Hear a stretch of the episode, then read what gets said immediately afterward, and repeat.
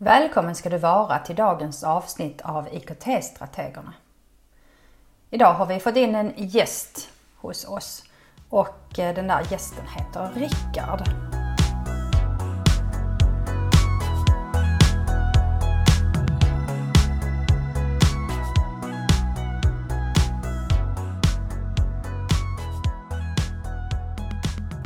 Skulle du vilja presentera dig? Och jag är också lite nyfiken på din titel och eh, vad det är du sysslar med i din yrkesroll. Mm. Okej, okay, hej! Uh, först och främst uh, tack för att jag får vara här.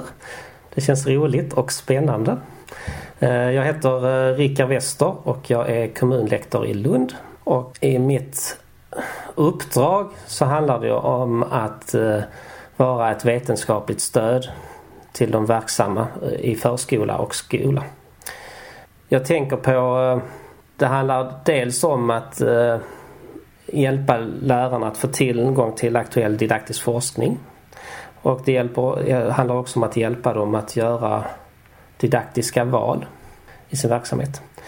Min inriktning, eller min bas, min kunskapsbas ligger i, inom matematik. Jag är främst inläst inom matematikdidaktik.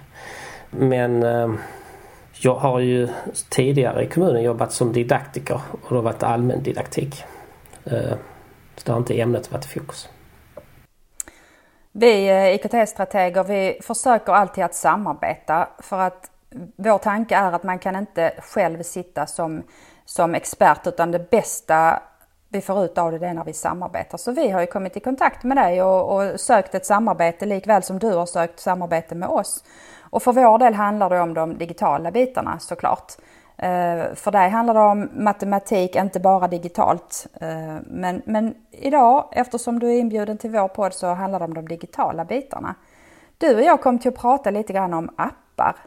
Ja, men jag, jag har ju lyssnat på några av era poddavsnitt. Eh, jag gillar ju sådana här poddavsnitt för att de ger ju uppslag till tankar, diskussioner Eh, säkerligen både positiva och negativa, tänker jag. Så därför är det lite läskigt att vara med här.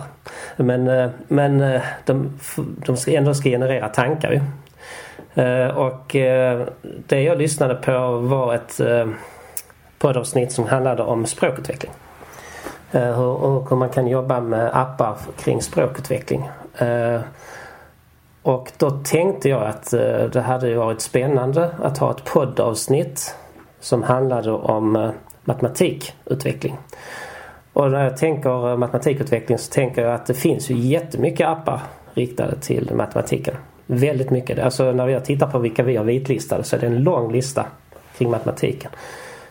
De flesta handlar ju om färdighetsträning. Och därför tänkte jag att det skulle man ju kunna prata i och för sig om. Eh, färdighetsträning för det är ju en del av matematiken. Men eh, det skulle varit väldigt intressant och titta på appar eh, som gynnar matematiklärande. Som inte bara handlar om färdigheter. Där finns ju liksom, där finns ju till exempel en forskare som eh, de inom förskolan, många inom förskolan är väl, är väl kända. Väl känd för. Och eh, det är Allan Bishop. Och han pratar ju om eh, att varje mänsklig kultur har ju eh, haft eh, matematik och, matemat och, och han delar in de här, den här matematiken som funnits i varje mänsklig kultur i olika aktiviteter. Och där har han sex aktiviteter. Varav eh, räkna är en aktivitet. Men varje kultur finns fem aktiviteter till. Och de sex aktiviteterna bygger ju upp eh, till grund för eh, kursplanen i förskolan. Men jag tänker ju också att inom skolans värld så finns där ju en vana och en tradition av att fokusera räknande. Att sätta matematik, att det domineras av räknande och att eh, matematikämnet eh, har en eh, uppgiftsdiskurs. Att man bara liksom ska lösa uppgifter och att det går ut på att lösa dem och kunna räkna ut. Och då hamnar ju de andra matematiska aktiviteterna i bakgrunden. Därför tänkte jag att eh, lärare behöver eh, fundera kring Eh, de här andra aktiviteterna och behöver stöd i de här. Och eh, innovation inom IT behöver också ge stöd kring detta och inte bara fastna i det här hjulspåret kring räknandet. Jag tror att du, du förringar inte och föraktar inte den här färdighetsträningen. Det är bara att du tänker att det ska balanseras upp med den andra biten. Eh, kan du prata lite mer om, för jag tror att de flesta lärare kan det här med färdighetsträning, för den är ju ganska enkel att genomföra och det är förmodligen därför vi fastnar i detta. Det finns appar för det, det finns många bra träningssätt för det. Det är väldigt lätt att mäta resultaten också av vad de kan. Men, men det, vi vill fokusera på de andra bitarna nu. Prata gärna mer om detta. Vad innebär de andra bitarna för någonting? Nej, men jag, jag, jag vill nog stanna ett tag och kommentera det du sa Andy för att det var ett bra inspel. Jag tänker att, eh, att räkna såklart är en av aktiviteterna. Och jag säger inte att alla sex aktiviteterna ska ha lika stor plats heller. Ehm, och att vi, men, men jag menar också att kompetensen hos våra matematiklärare här i Lund är oerhört stor kring att lära barn att räkna.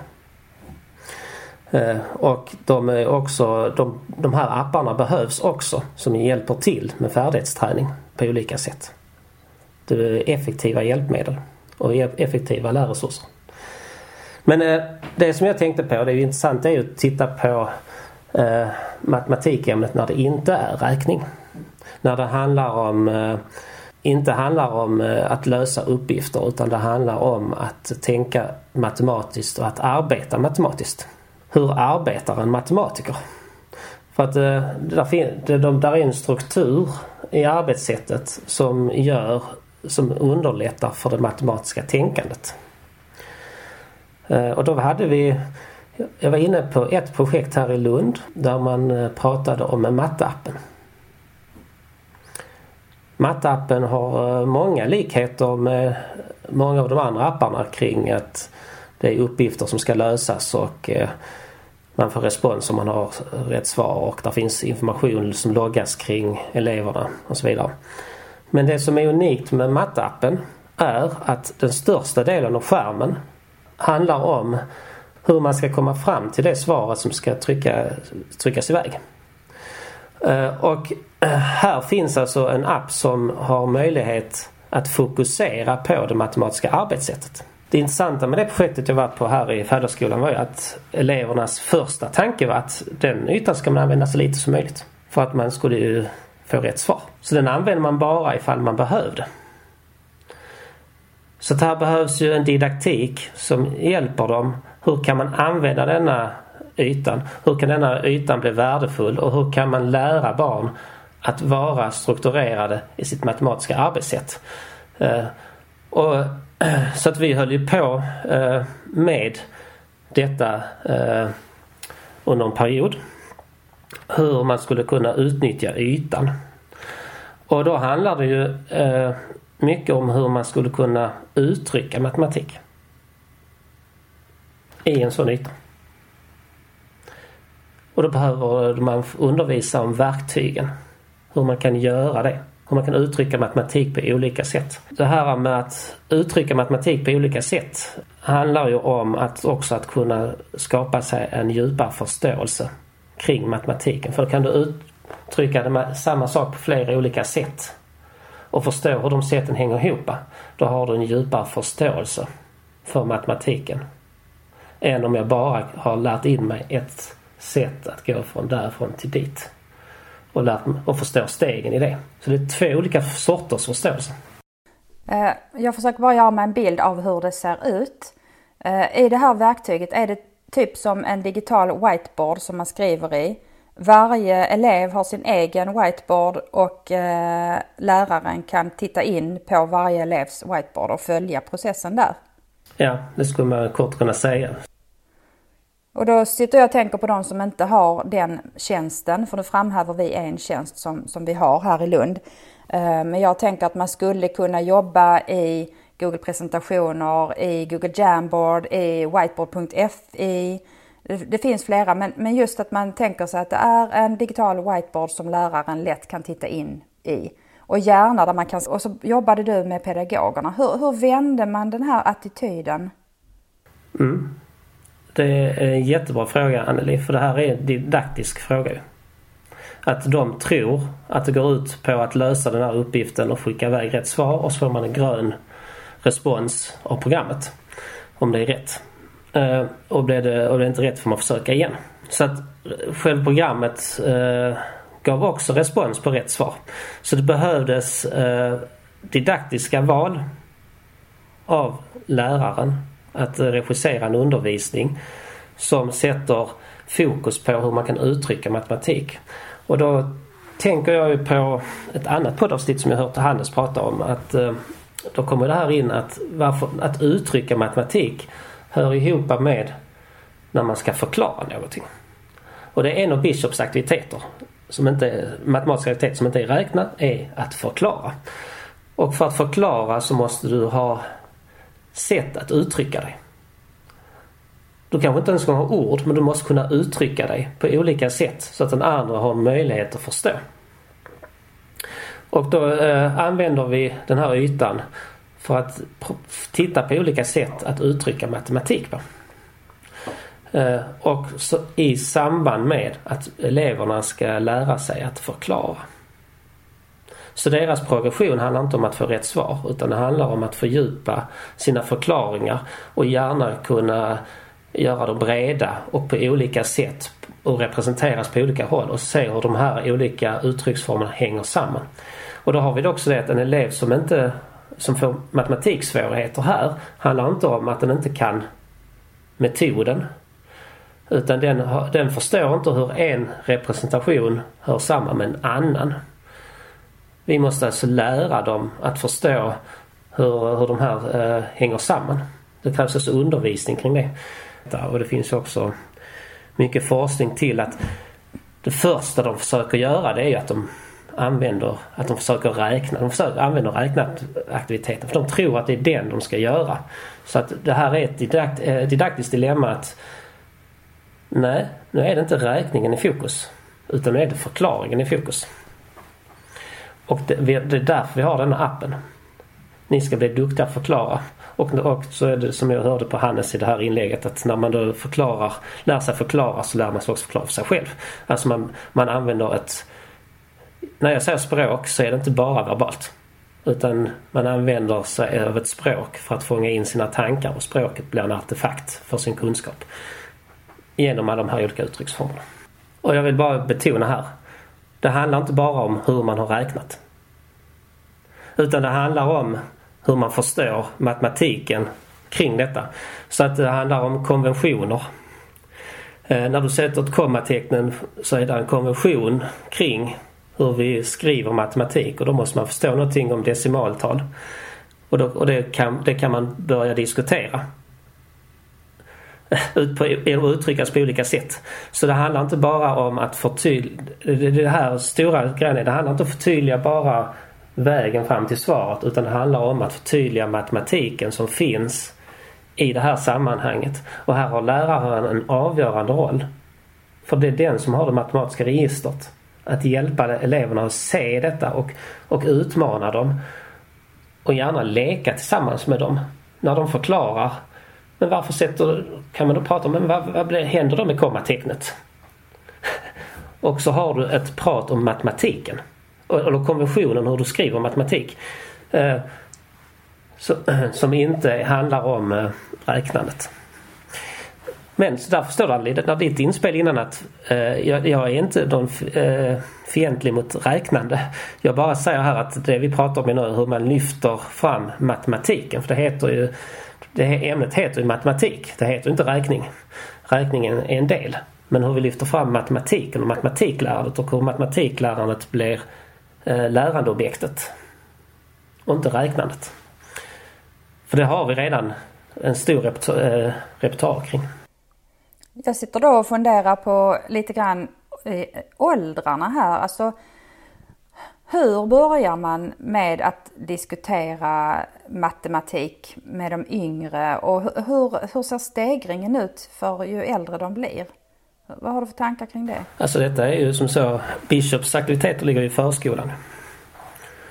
Eh, så att nu har vi en oerhört spännande, vi har gått in här i Lund i ett ULF-nätverk kring eh, eh, didaktiska modeller för undervisning i förskolan. Och den modellen som vi har börjat prata om eh, är lekresponsiv undervisning. Och i den undervisningen så handlar i den här modellen så handlar det om att undervisning och lek kommer alltså ske samtidigt. Läraren kommer arrangera en lekmiljö där de leker tillsammans och där, där läraren är med och leker för att stödja både leken och lärandet. Och nu berättar jag om, det, nu berättar jag om detta här för vi hamnar i förskolan. Men om man skulle stämma upp denna på mellanstadiet så skulle denna modellen kunna vara applicerbar även där.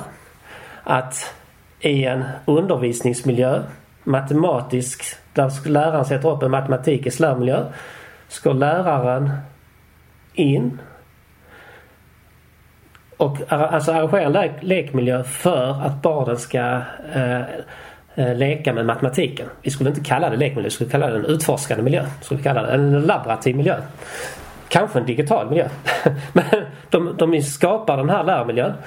Men läraren går med och leker tillsammans med barnen kring matematiken och stödjer dem för att, för att det är läraren som har det matematiska registret. Ja, då vet jag inte om det var ett svar på din fråga Li, men det, det var för du frågade när det här börjar. Jag ser ju att det här är hela vägen. Eh, ja, det jag pratar om är ju eh, någon form, jag, nu förstår jag att jag har använt lek för jag hade en modell med lekresponsiv från förskolan men, men en utforskande undervisning. Som inte handlar om, eh, som där man liksom eh, och detta har också visat sig att det är väldigt viktigt för matematikförståelsen att man får lov att utforska och leka med de matematiska termerna. Det är det som man ser att de elever med stor framgång har gjort. Medan de som inte har vågat göra det eller inte erbjuds möjligheter till det eh, har svårare för matematikämnet. Ja, nu försöker jag konkretisera det igen här med de här leksituationerna som kanske inte behöver kallas för lek men ändå. Eh, där man på något sätt eh, som lärare vet vad man vill uppnå. Man lite grann går in och styr leken, man kanske problematiserar saker, man får igång diskussioner.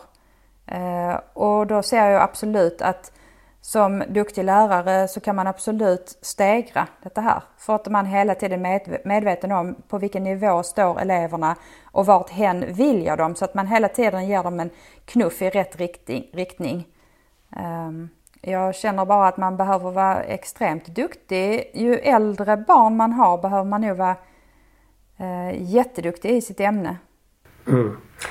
Jag sitter och tänker på problembaserat lärande och jag tänker på, eh, är det Kina man pratar om eller Asien, man pratar om att de slänger in en uppgift och så jobbar eleverna med samma uppgift en hel lektion för att den är så problematisk.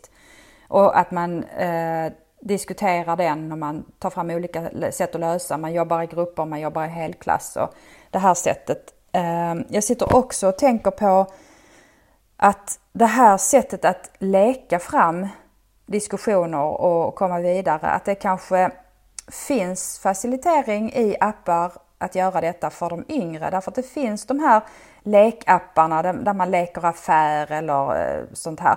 Eh, där man kan inte bara sätta barnet till att själv jobba i appen utan att man gör det tillsammans men de kan projicera upp den eh, och prata om det och problematisera. Så att det stödet finns kanske inte bland de äldre för det finns inga appar som är byggda på det viset. Då tycker jag att vi tackar för idag. Det var jätteintressant att prata med dig Rickard. Eh, har du fler eh, saker som du vill diskutera med oss så hör av dig. Du är välkommen till podden när som helst. Och vi hoppas att vårt eh, poddande idag har gett ringar på vattnet till diskussioner ute i våra verksamheter. Tack för idag!